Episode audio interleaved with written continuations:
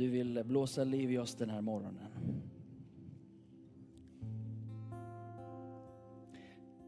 Det finns ett sammanhang i Hesekiels bok, eh, profeten, som står inför en dal som är full av ben och benen är förtorkade och har inget liv. Och Gud utmanar profeten att se på den här dalen med Guds ögon och tala till den här dalen och frigöra Guds liv över det som är förtorkat. Att tala liv i det som är livlöst. Och jag vet inte hur det är i ditt liv. Men den här stunden så kommer den helige Ande och vill blåsa liv i det som möjligtvis är förtorkat. Kanske din tro är förtorkad och har legat på hyllan väldigt länge. Den här dagen behöver du inte anstränga dig utan nu får du bara ta emot vad den helige Ande gör och blåser liv i din tro. Det kanske är gåvor som har legat på hyllan länge och inte blivit använda eller uppfyllda. Den här söndagen så kommer den helige Ande och andas liv på din gåva. Så att den gåvan kan få liv och bli till hjälp och liv för andra människor. Kanske en relation som är förtorkad. Kanske fruset, kanske är riktigt frostigt. Gud är intresserad av relationer och den här morgonen så vill han andas liv. Om du bara ville ta emot det livet. Det kanske är din kropp som är förtorkad på ett eller annat sätt. Du kanske önskar att få barn och inte kan få det. Du kanske har någon typ av sjukdom som har satt sig och förtorkat och paralyserat någon del av din kropp. Den här morgonen så vill vi tala liv till det som är förtorkat i Jesu namn. Jag profeterar liv idag. Jag talar ut det liv som utgår ifrån Jesu död och uppståndelse över din situation. Och om du vill bara sjunga ut detta tillsammans med oss idag så tar vi emot det som Jesus har för var och en av oss den här söndagen. Det finns någonstans där hans vatten, där hans liv, där hans närvaro kommer. Om det känns okej okay för dig, vare sig du tror på Jesus eller inte, vare sig du är här för första gången eller varit här länge. Om du skulle vilja blunda med mig och välkomna Gud att göra det han vill göra, nämligen komma med liv och frihet för dig. Låt oss sjunga tillsammans. Världen har inget som jag ser. Vi välkomnar dig Gud just nu. Jesus kan blåsa liv i allt som är dött och allt som är torrt. Just nu kommer den helige Ande och rör vid dig. Just nu kommer den helige Ande och rör vid ditt liv. Och det som är torkat kommer till liv i Jesu namn. För det är bara Jesus. Värderar inget som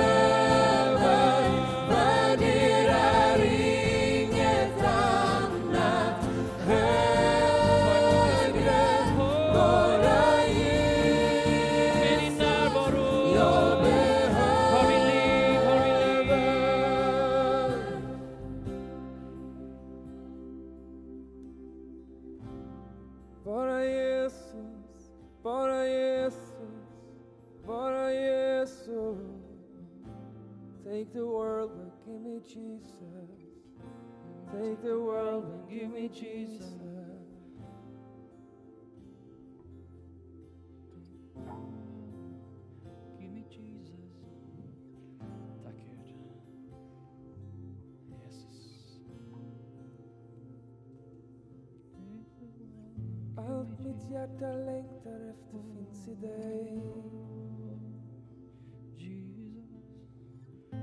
Svaret på min torra själ finns i dig. Lösningen på krampen jag lever i är Jesus. Alltid Jesus. Alltid Jesus.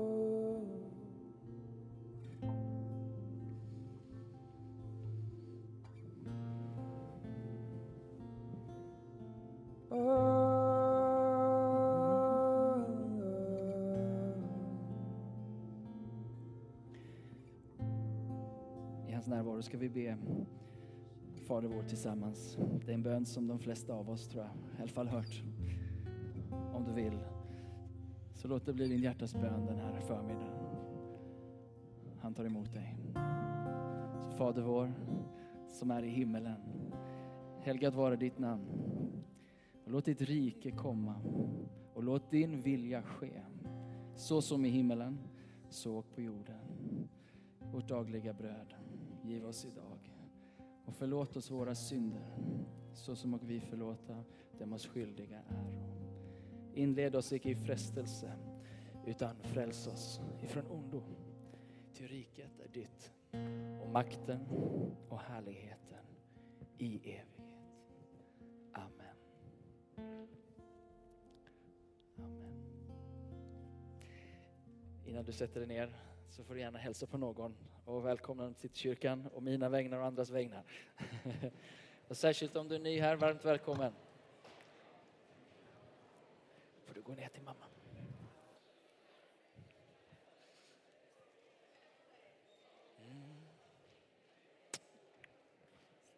Mm. mm.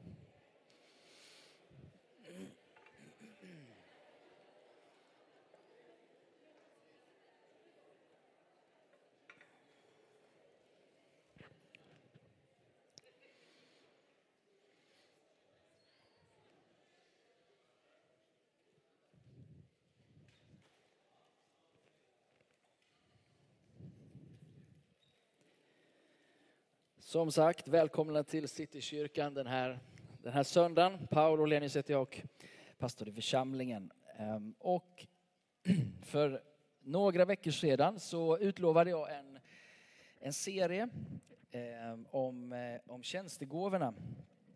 Och ehm, den kommer att eh, gå under eh, titeln Tjänstegåvorna i vardagslivet. Tjänstegåvorna i vardagslivet. Ehm, och eh, jag inser i det här rummet så har vi lite olika bakgrundskunskap. Eh, jag ska försöka och göra det så lättillgängligt för oss alla. Ehm, men ehm, eh, det som var grunden då, för någon vecka tillbaka sedan, det finns inspelat, det finns på podcasten. Vi pratade om att ordet blev människa. Att Guds son, att Gud själv älskar världen så mycket, älskar dig så mycket att han väljer att bli så som en av oss. Att han fullt ut identifierar sig med mänskligheten. Fullt ut prövas, testas, utsätts för det som du och jag utsätts för. Eh, han gör det dock utan, utan synd, vilket skiljer sig eh, från oss. Då. Men eh, till slut så är det som att hela mänskligheten ställer Gud mot väggen i människan Jesus och pressar upp all vår brustenhet, all vår synd, all vår trasighet och trycker Gud hårdare och hårdare mot väggen. Till slut så sitter han på ett kors. Och som du kanske känner till ifrån filmen Passion of the Christ som utspelar allt det här väldigt eh, blodigt får man väl säga. Eh, och du kanske känner till att Mel Gibson gjorde den filmen. Och det finns ett läge, ett tillfälle i den filmen när Mel Gibson själv är med. Och det är tillfället då Jesus ska korsfästas. Eh, då är det Mel Gibsons hand som håller hammaren och slår in spikarna i Jesu händer. Och bilden är någonstans att Mel Gibson förstår att han gjorde det här för mig. Och min brustenhet, min synd, min, min sjukdom, min förbannelse, allt det fäste upp Jesus på korset. Eh, men eftersom han är syndfri, eftersom han inte är så som du och jag fullt ut i bemärkelsen syndare, utan han faktiskt dör helt oskyldig. Så fungerar det så här i den andliga dynamiken. I det andliga livet, att döden kunde inte hålla tag i honom. Dels för att han var syndfri, för det andra att han var Gud i mänsklig gestalt. Så Gud uppväcker honom på den tredje dagen. Och på den tredje dagen så skakar hela universum. Och döden och synden och mörkret måste släppa mänskligheten. För människan Jesus uppstår och allas våra vägnar. Och genom att tro på honom och tro på det så får varje människa evigt liv. och vi får en upprättad gemenskap med skaparen själv. Det här är inte helt enkelt varken att förklara eller att förstå. Eh, men är så verkligt att när jag var en ung människa och valde att tro på det här så förvandlades mitt, mitt hjärta och mitt liv på ett så påtagligt sätt att jag fick uppleva en personlig relation med Gud. Och det har jag haft sedan dess. Evangelium kommer till oss genom att ordet blir människa och bor ibland oss. Och nu så är vi på väg in i något som kallas för tjänstegåvorna. Någonting som har med gåvor som Gud ger till, till människorna, till mänskligheten. Och det är för att vi tillsammans ska fortsätta att kunna vara vad vi kallar för Kristi kropp på jorden. Alltså församlingen, de som på Jesus tror, blir tillsammans delar av en enhet. Att vi tillsammans blir som en kropp. Och nu är det vårt uppdrag att göra det Jesus gjorde. Att imitera honom, att följa honom och göra Guds rikes gärningar som han kallar det för. Överallt där vi går. Och söndagen är en samlingsplats. Söndagen är en plats där vi som på Jesus tror samlas för att fira honom, tacka honom, påminnas om vad han har gjort, minnas våra berättelser, minnas den stora berättelsen och utifrån det gå ut i ett vardagsliv påfyllda med kraft, med kärlek, med frid, med överflöd. Så att vi kan gå ut och betjäna den här världen på samma sätt som Jesus gjorde. Det är tjänstegåvornas liksom, kontext. Det är att få vara Jesus tillsammans i vardagslivet. Och när Jesus har dött, han har uppstått och sen efter ett antal dagar lämnar jordelivet och sätter sig igen, återkommer, återgår till himmelen. Det är därifrån han sen ger sina gåvor till alla som vill ta emot dem. Är ni med mig så långt? Och då är det så här att i Bibeln finns det en bok som heter Efesierbrevet. Efesierbrevet skrevs av en man som heter Paulus som hade också en omvälvande, Eh, minst sagt omvälvande eh, möte med Jesus. Han var den som dödade de kristna. Precis som det finns platser på jorden idag där människor dödas för sin tro. Så Paulus, som hette Saulus, var en av dem som dödade de som trodde på Jesus. Men han får ett möte med Jesus Precis som jag fick och många av oss har fått. Och efter det så är det en helt annan Paulus. Helt annan människa som blir en Paulus istället. Och Paulus skriver det här brevet i slutet av sitt liv. Ifrån en plats som heter Rom. Och där han sitter i fångenskap. Året är någonstans 62-63 kanske. Och nu tittar Paulus, skulle jag vilja påstå, tillbaka på sitt liv. Han ser tillbaka på kyrkan, församlingsrörelsen. Han ser tillbaka på alla de små församlingar som han var med och startade, som nu har blivit stora, som har multiplicerats. Han tittar tillbaka på alla de platserna, han tittar tillbaka på det som har blivit en världsvid kyrka faktiskt. Den är inte så stor som den ska bli, men den är överallt. Och han tittar tillbaka på kyrkan och i Efesierbrevet, nu ska vi inte måla hela Efesierbrevet, vi ska plocka några verser som har just med tjänstegåvan att göra. Men det här är för mig en återblick där han liksom summerar och speglar den teologiska, alltså bibliska förståelsen av vad som har skett.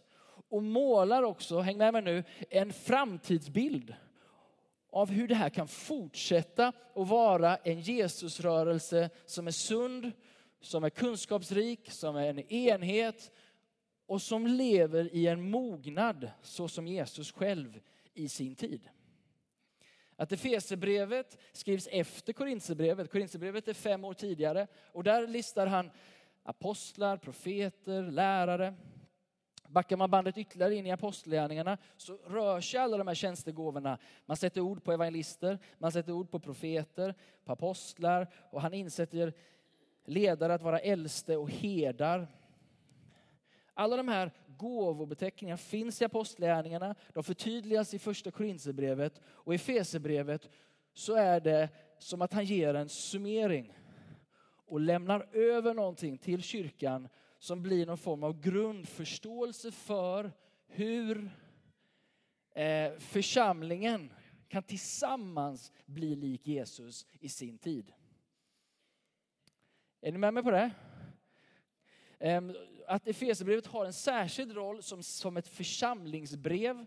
Ehm, det är faktiskt inte skrivet för att gå till rätta med församlingen i Efesos. Så som man skrev första Korinthierbrevet eller eh, Galaterbrevet. Han är inte upprörd. Han är inte liksom förmanande. Han, det finns ingen riktig liksom, pryl han vill åt, verkar det som. Utan han är ganska målande och ganska visionär i sitt sätt att beskriva församlingen. Varför, varför säger jag allt det här? Jo, därför att det kan finnas, vet jag inte om det finns här i rummet, men generellt så blir man liksom lite frågan, ska vi verkligen lyfta fram Efesierbrevet 4 eh, till att vara så viktigt i förhållande till allt annat som nämns? Och jag skulle vilja att det finns, säga att det finns belägg för det. Och nu där vi landar idag, häng med mig nu. Eh, det vi landar i idag är inte tjänstegåvornas betydelse för kyrkan som eh, säga, introvert rörelse eller inåtvänd rörelse, utan för att kyrkan ska få bli den utåtvända, externa kyrkan som hon är kallad att vara. När tjänstegåvornas femfaldiga nåd, kraft, gåva fungerar i församlingen, då får vi den gestaltning, vi får den Kristi kropp den tillsammans Jesusrörelsen som kan påverka vår samtid och samhälle och gestalta Guds rike.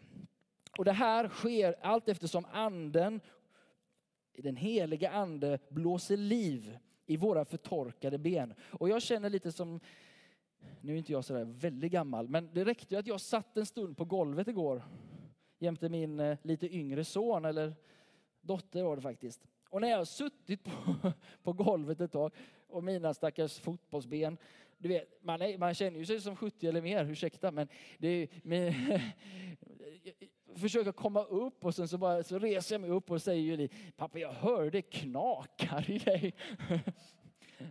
De, det krävs inte mycket sittande för att det ska bli knakande. Det krävs inte mycket sittande förrän det ska bli förtvinande eller förtvivlande för den delen. Ehm, och när Guds ande kommer och det börjar hända saker och, och, och rörligheten börjar komma tillbaka. Eh, då är det viktigt att vi följer med. Att det finns en, ett mottagande och att vi vågar utmanas. Att vi vågar utmanas, kära församling. Nu vänder jag inte det till mig, till mig, till dig som är ny, utan du som har suttit här länge. Har vi suttit lite länge på den här härliga träsitsen så finns det risk att vi har både lite träsmak och att vi är lite knakiga i benen. Kanske, möjligtvis är det så. Och då gör det lite ont att resa sig och det knakar lite och man kanske behöver stretcha lite. Vill säga att det här budskapet som vi nu pratar om, tjänstegåvornas tillämpning, kanske inte är superlättsmält för alla. Det kanske inte är superenkelt att tillämpa, för vi har gått i en viss bana lite väl länge. All right, det var mitt preludium. Eh, nu ska vi gå in på det här och sen så får vi se var vi landar. Eh, så här står det i några av verserna som if, eh, Paulus målar, sammanställer det han uppfattar bygga sunda församlingar. Och nu ser jag att det saknas en vers där. Det är vers 7 ehm, ska läggas till också. Kanske inte spara ner den sista versionen. I vers 7 står det nämligen något viktigt som återkommer i min nästa slide. Där står det att åt var och en av oss gavs gåvan eller nåden. Allt eftersom den gåv, allt efter den gåva som Kristus mätte ut. Alltså åt var och en av oss gavs nåden, allt efter den gåva som Jesus mätte ut. Och så vidare. Och några gav han till eh, att vara apostlar, andra till profeter, andra till evangelister och andra till herdar och lärare. Därav femfaldig gåv och nåd. Och syftet var att utrusta de heliga till att fullgöra sin tjänst att bygga upp Kristi kropp. Hur länge ska vi göra det? Jo, tills vi alla når fram till enheten i tro.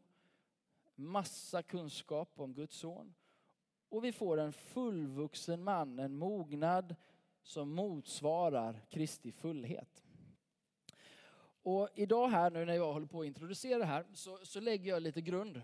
Och idag så blir det lite så här lärarundervisning och, och lite framåtblick så där. Så det, det blir lite tankeväckande idag. Är det okej? Okay? Och sen så får vi, blir det mer härligt sen nästa söndag när, när Alfred predikar. Då blir, ni, då blir ni välsignade på riktigt. Eh, gå vidare här. I den här texten så uppfattar vi fem eh, eller fem ord på de gåvor som Paulus menar samfällt ger eh, det vi längtar efter. Och då är det profetisk gåva, det är apostolisk gåva, evangelistisk gåva, herdegåva och lärargåva. Okay, så där har du de fem olika. Om du går vidare på nästa.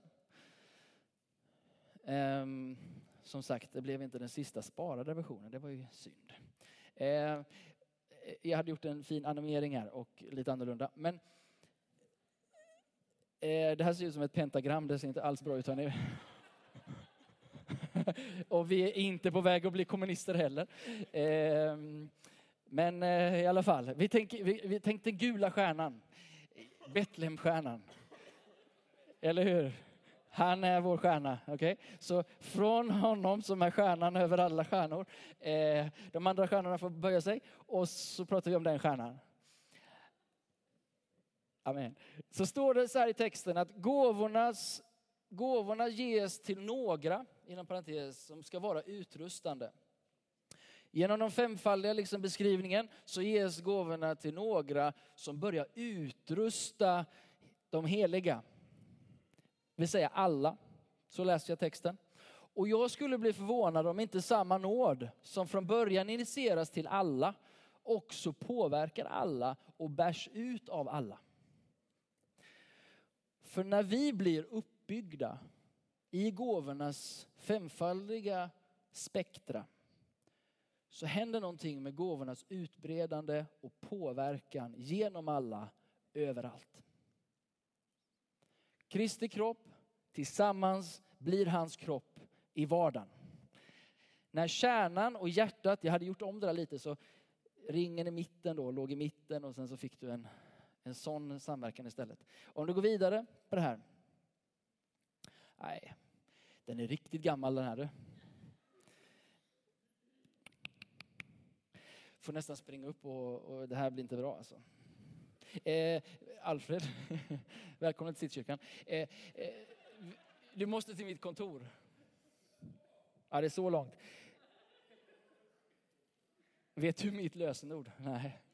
Nej, du. Ja, du kan ta ner datorn. Ouch. Jag vet, bra. Eh, det här var ju förra söndagen. Vi kan ju ta den igen, ska vi göra det? Okej, okay. vi gör det levande, levande charader. Okej, okay. trekant så här. Gåva, högst upp. Gåvorna. Vi har del, del av eh, de här femfaldiga tjänsterna som handlar om gåvan. Vi har det som handlar om utrustande och vi har det som handlar om ledarskap. Problemet vi har gjort när vi har försökt applicera tjänstegåvorna, det är att vi hela tiden tänkt ledarskap, skulle jag vilja påstå. Vi har bara tänkt de som predikar, eller de som utrustar, de som syns och hörs. Och så tänkte vi, vilken tjänstegåva har de? Men jag skulle vilja att vi, om vi möjligen kunde separera gåvan från ledarskap och utrustning och bara titta på gåvan som sådan. Om vi tittar på hur ser apostolisk gåva ut, hur ser profetisk gåva ut, evangelistisk och heder och lära. Hur ser detta ut och hur ser det ut i vardagslivet? Och medan ni och vi väntar på den gode Alfred eh, så kan jag beskriva hur, för någon söndag sedan så berättade jag hur det skulle kunna se ut i ett lärarrum. Eh, hur kan det då se ut som en säljande butikspersonal? Här är mitt huvud som speglar för Päivi som jobbar till exempel. Hur många butiksbiträden har vi här idag? Här och här och här och här och här. Okej? Okay? Och då kan det se ut så här då. Evangelisten, man hoppas ju, att, för man tänker så här, men det är ju säljare primärt. Och det kan man ju tänka sig att evangelisten det är ju liksom det mest snabbast som liksom relaterar till sälj. Han kan tala eller hon kan tala för sin sak. Och när det är en bra säljare så lyssnar han eller hon till behovet. Och se till att hitta produkten som kunden behöver. En gråzon för säljaren är att väcka behovet. Eller hjälpa kunden se sitt behov av den produkt som hon behöver. Och här finns ju en manipulativ sida där vi hela tiden tror att vi behöver massa saker som vi kommer hem med och vi faktiskt inte behöver sen. Men en god säljare kan faktiskt hjälpa dig och mig att hitta lösningar på problem. Evangelisten är duktig på detta och kan tala för det och se till att eh, du fattar vad du behöver. Kan en herde vara säljare då? Självklart. Den omvårdande personligheten. Denne säljare känner helt in var kunden befinner sig, sätter sig in i dennes perspektiv och lyckas snabbt bygga förtroende och leder kunden till rätt hylla och rätt produkt. En stor tacksamhet visar kunden och vet precis vad denne ska gå tillbaka nästa gång. För så bra service har jag aldrig fått innan. Jag har precis mött en herde i en butik. Läraren, kan läraren vara en säljare? Jo då. Denne lärare, han är, eller hon, är påläst, kan sitt sortiment fullt ut, kan marknaden, kan trenderna, kan Konsumentverkets rekommendationer och varningar. och vill du köpa av någon som kan sin sak, gå till en lärarsäljare. Du vet att du får kvalitet och du kommer gärna tillbaka. För du har aldrig någonsin blivit lurad av en lärarsäljare. Profeten, vilket är profetens infallsvinkel? Snacka om fingertoppskänsla och veta vad kunden behöver på riktigt. Om kunden är den mer försiktiga eller våghalsiga, det plockar profeten upp. Eller vilken sinnesstämning kunden är på idag. Anpassa framtoningen och produkten efter kundens bästa. Profeten vet dessutom vad hela branschen är på väg. Så om du vill veta att du är rätt i trenden, så välj profetsäljaren. Hur ser det ut när posten säljer då? Ja, men nu gäller det att hjälpa kunden välja och utveckla sin stil. Vad är konceptet? Kläder sig allt om dig och den här säljaren läser av dig redan när du satte foten in i butiken. Och dessutom är produkterna placerade på ett sätt som gör att det är enkelt att köpa en vara som tillhör samma koncept eller spår eller färgval. Hur tänker kunden egentligen? Kanske denna säljaren lämnar inget till slumpen utan låter kunden nästan tror att hon gjorde sina egna val den här dagen. Nästa gång så kikar säljaren på kunden på distans för att se om kunden kan navigera utan hans eller hennes hjälp. Funkar konceptet? Kan jag dra mig undan? Kan se ut så här i vardagslivet. Jag gör en till och ser om han kommer. Det var lite skönt med de illustrationerna. Restaurang eller servitör. Evangelisten. Han älskar när högt tempo på jobbet och har mycket folk. Han glider förbi gästerna och ger trevliga kommentarer. Servitörer, har vi några servitriser, servitörer här? Det var inte någon. Någon som jobbar i restaurangbranschen? Ja, men inte som servitör eller servitriser kanske. Jag pratar med er då vi är alltså inne på att prata om hur ser tjänstegåvorna ut i vardagslivet. Evangelisten älskar när det är högt tempo, mycket folk glider förbi gästerna och ger trevliga kommentarer, stämningshöjare. Och när det är bra så skapar det just bra stämning. När det är dåligt så känns det smörigt. Han eller hon talar gärna om hur god oxfilén är eller den dyraste på menyn. Han gör gärna det lilla extra för kunden och hoppas på större dricks. Gästerna känner sig glada och uppmuntrade av den glada servitören eller servitrisen evangelistpersonligheten bryter fram även hos en servitör. Läraren, den här kvällen ser till att all personal vet vad de ska göra, vilket ansvar de har så att det inte blir kaos som igår. Han har full koll på menyn. Och om det är gluten, eller laktos, eller nötter eller skaldjur, ja alla allergener har han koll på. Det fina med denna servitör är att det finns stor chans att han minns vad gästerna åt förra gången. Och de känner sig så trygga och hemma i servitörens omsorg. Herden spelar på herdens styrkor, ljusen tänds, stolen skjuts in under dig medan du sätter dig. Innan ett ord är sagt känner man sig nästan som hemma och slappnar av. Servitören ger dig menyn och lite bröd och smör och känner in när det är läge att ta upp beställningen. Man känner ingen stress i den här servitörens sällskap. Trevnad är ordet. Profeten, han låter, sig, han låter dig sitta ner och lägger menyn framför dig. Han har redan sin aning att det är fisk som gäller för dig idag. Men för att inte göra det obekvämt för gästen frågar han fint om han får föreslå något från menyn. Eh, dagens fisk är mycket god och av något av min favorit faktiskt. Men, eh, men såklart, allt på menyn är, är gott. Samtidigt noterar profeten att ett skumt sällskap just kommit in i restaurangen och glider tätt intill och frågar om man kan hjälpa dem. Ficktjuvarna rör sig överallt. Aposteln, hur sköter han sitt jobb som servitör?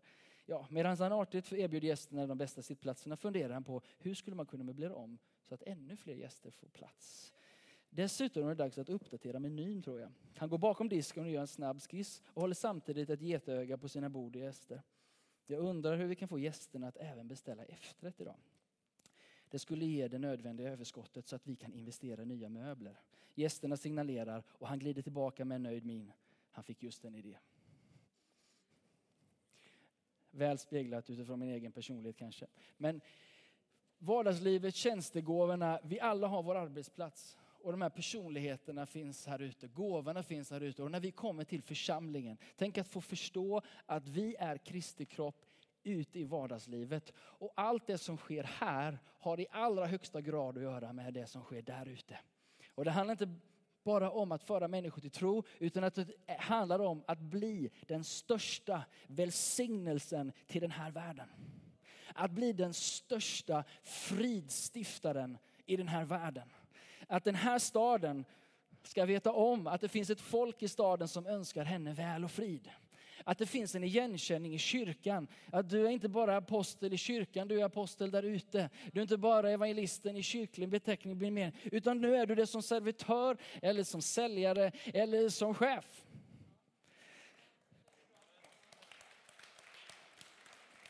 Tänk när vi knäcker den här nöten. Tänk när de förtorkade benen möts i kyrkan för att bli fyllda med liv. Inte för att komma tillbaka till kyrkan när man har blivit liksom knäckt och förtvinad, utan vi går ut med liv. Så jag tänker mig att vi gör en resa tillsammans. Där vi under fem söndagar speglar varje tjänstegåva i lugn och ro. Och vi tittar både på den interna delen av gåvan och den externa delen av gåvan. Det som handlar om vad vi gör på djupet, under, i isbergets mitt. Och så funderar vi på hur gestaltas det här? De här 10 procenten som ska ge ut till den här världen.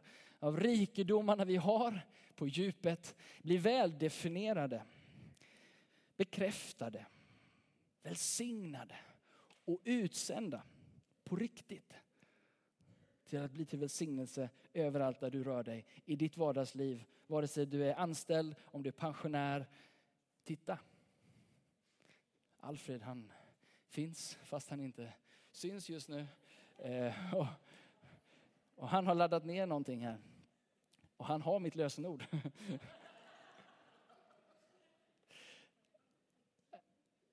um, det finns den här, eh, eh, om vi går vidare. Ja, det var det jag sa nyss. Backar vi en gång till då. Till bilden. Där. Det var här jag försökte förklara med charader. Låt mig illustrera det här med den, med den gode Alfred. Det är mycket Alfred idag. Du får stå där, du får sitta. Det är okej. okej. Han är så mycket här uppe ändå så det är bra att han sitter. Ehm, jag vet inte hur du skulle mm, definiera hans gåvoprofil. I, I vårt sätt att prata om det här bland ledare och sådär som blir mer och mer vår liksom, sätt att kommunicera om det här, det är att vi har kanske en primärgåva och en sekundärgåva. Att det finns en basgåva som är djupast sett det som direkt klickar in. Att det finns en, en, en fördelning av helheten. För du är inte antingen eller, du är både och och en härlig kombo av allt. Men så som vi läser det både i Bibeln och så som vi läser av varandra så verkar det som att det finns det som framträder tydligare. Och innan jag börjar snacka om min vän här, eh, Alfred, så, så, så, har jag sagt själv om min, min, egen, det som händer idag till exempel, mitt sätt att kommunicera idag är i högsta grad påverkat av min gåvoprofil. Okay, så jag, det finns två saker som händer här i mig, skulle jag vilja påstå. Det, det, att jag pendlar mellan det som skulle vara apostolisk gåva och det som är lärargåva.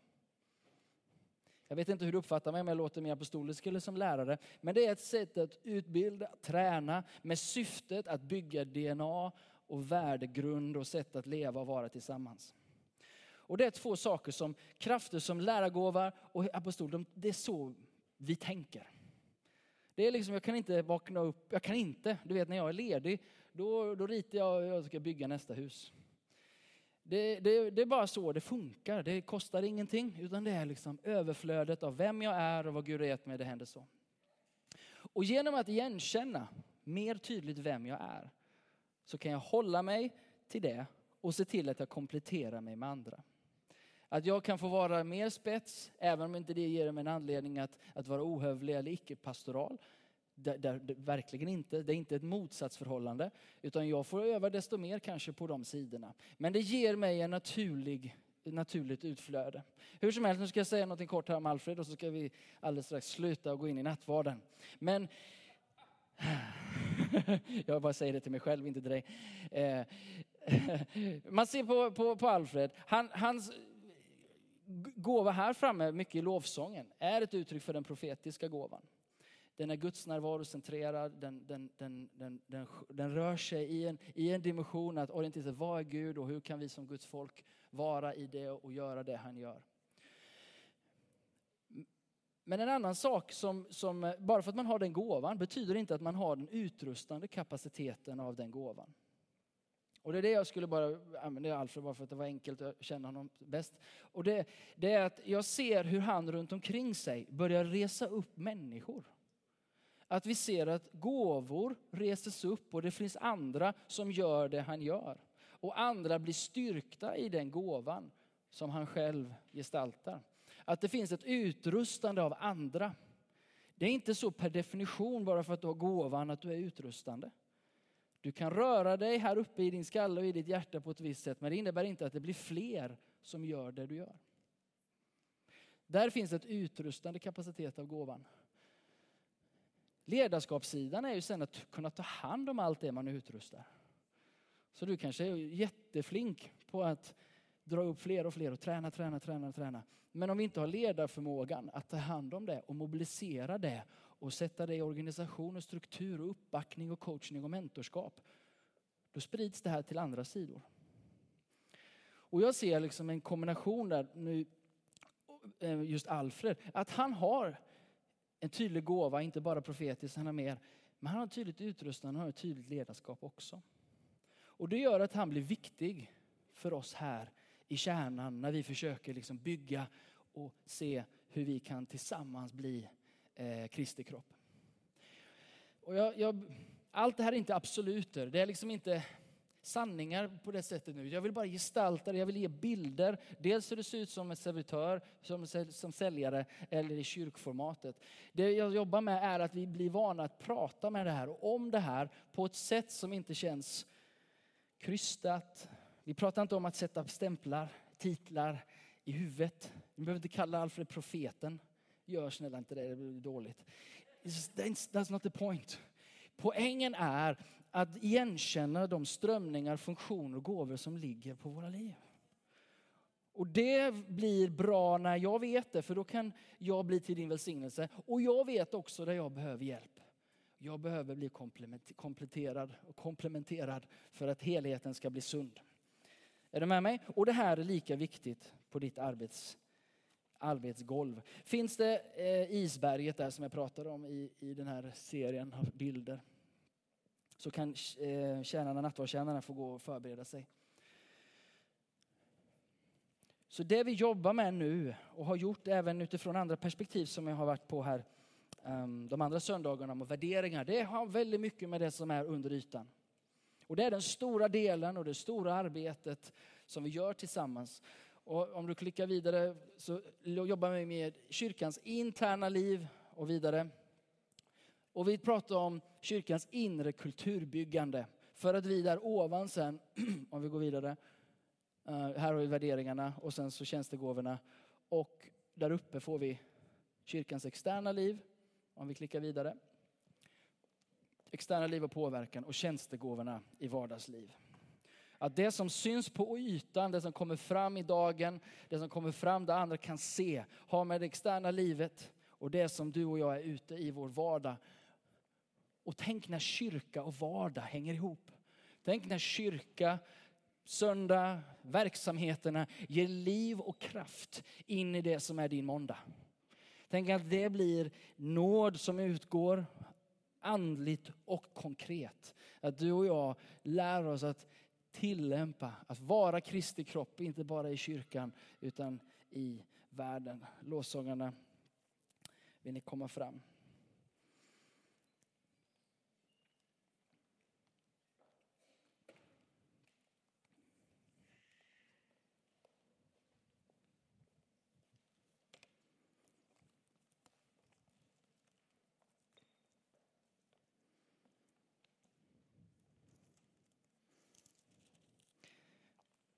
För mig känns det otroligt spännande när jag kommer få vara med och höra dig berätta och hjälpa oss andra att definiera hur det ser ut i de olika branscherna. Hur uttrycker sig tjänstegåvorna? Jag har ju skissat lite här nu utifrån min hjärna. Men hur ser det ut i ditt liv? Hur ser det ut när det landar på din arbetsplats? Och när vi kan börja hjälpa varandra, stötta varandra, be för varandra in i våran sfär, sända varandra.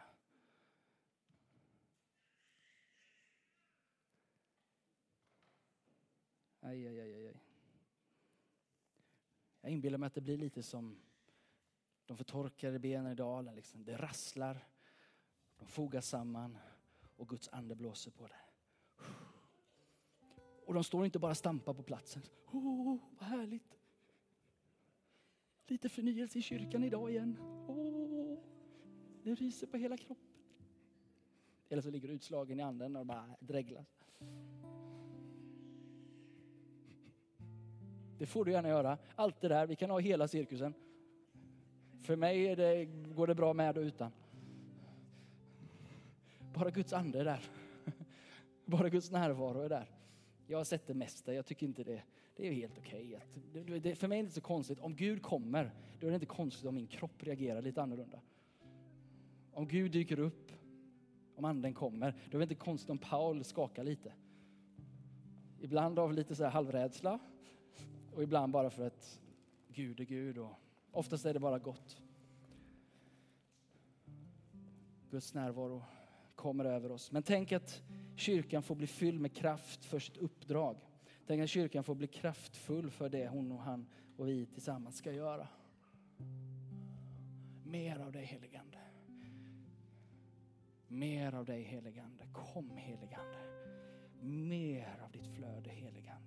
Blås liv på oss, väck oss, kom med väckelse. För det finns en mot, det finns en kanalisering av kraften. Ropa till Herren, kom över oss. Låt oss vara kraftfulla, låt oss få vara kärleksfyllda, fridförsta med honom. Låt oss få gå ut och betjäna den här världen med kraft. Och då blir jag pingstvän igen och då börjar jag ropa och glädjas och allt det här. Därför att jag vet att det, det är inte för mig, det är inte en cirkus. Utan det har med uppdraget att göra. Det har med omklädningsrummet när man står innan match och säger Kom igen nu gubbar! Vi behöver inte ropa på Gud, men vi behöver ropa på oss själva ibland. Eller hur Sky? Nej, King. Sky är ju storebrorsan. Han är fotbollsspelare. Man ropar på varandra lite väcker varandra lite. Tänder geisten, kom igen nu. Men framförallt himmelens Gud, rör vid oss. Möt med mig. Låt mig få bli fylld för att bli sänd. Låt det rassla lite, låt det hända lite. Låt de, de religiösa boxarna sprängas. Låt de religiösa oken brytas i Jesu namn. Låt de farisistiska tendenserna att hålla koll på varandra, allt det här, bort med det. Låt oss få bli fyllda med ande och kraft. Låt oss få gå till våra arbetsplatser. Låt oss få älska våra arbetsplatser. Låt oss få älska våra grannskap. Låt oss få ta oss an det som är vår trädgård. Låt oss få älska det i kraft av vår gåva. Låt oss få älska det med himmelens kraft. En Jesus som är uppstånden från de döda. Han är inte död, han lever.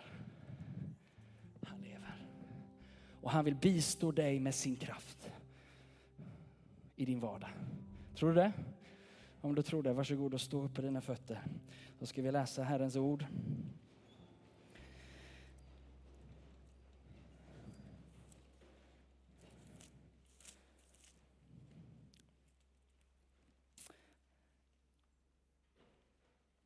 Halleluja.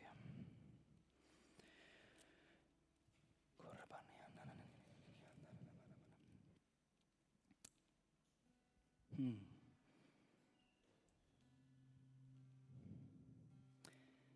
Jag har själv tagit emot, säger Paulus, den här världsmissionären som har sett det mycket och sett det mesta. Han säger att han har tagit emot från Herren vad jag meddelar er.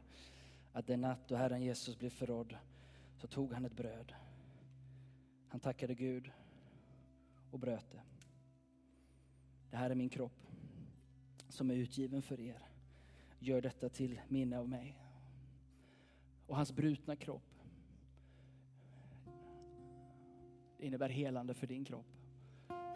Och det är helande för varje brusten relation, varje brusten del av ditt liv, varje förtorkat ben kan få liv idag. För han blev bruten. Och på samma sätt så tar han sen en bägare. Den här bägaren är det nya förbundet i mitt blod. Så ofta ni dricker av den, gör det till minne av mig, som Jojje sa här innan idag. Vi påminner oss om detta. Att så ofta vi äter av det här brödet och dricker av den här bägaren förkunnar vi Herrens död och uppståndelse tills dess han kommer. Och därför vill vi inte dricka eller äta brödet ovärdigt så att vi syndar mot Herrens kropp och blod. Utan var och en ska pröva sig själv och så äta av brödet. Så låt oss ta en stund ståendes inför Herren. Säg Herre, jag vill inte göra det här bara av tradition eller som en ceremoni. Jag vill göra det här inför dig Gud. Att det här är på riktigt. Det här är din kropp och det här är ditt blod som blir till frälsning och helande och upprättelse för mig. Tack att du idag renar mig från alla mina synder, förlåter mig och sätter mig fri. Jag vill också förlåta dem som står i skuld till mig. Den som har gjort något ont mot dig har du möjlighet att förlåta i den här stunden.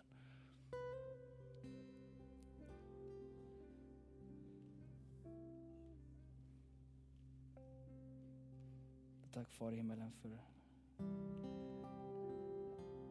att bordet är dukat, allt är förberett. Och du välsignar gåvorna i Jesu namn.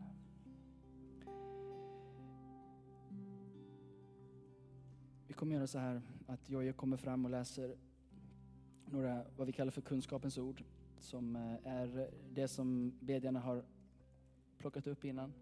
Um, och um, kommer få gå in i mitten, framifrån först och sen komma fram. Så jag skulle vilja att förebedjarna kommer i början.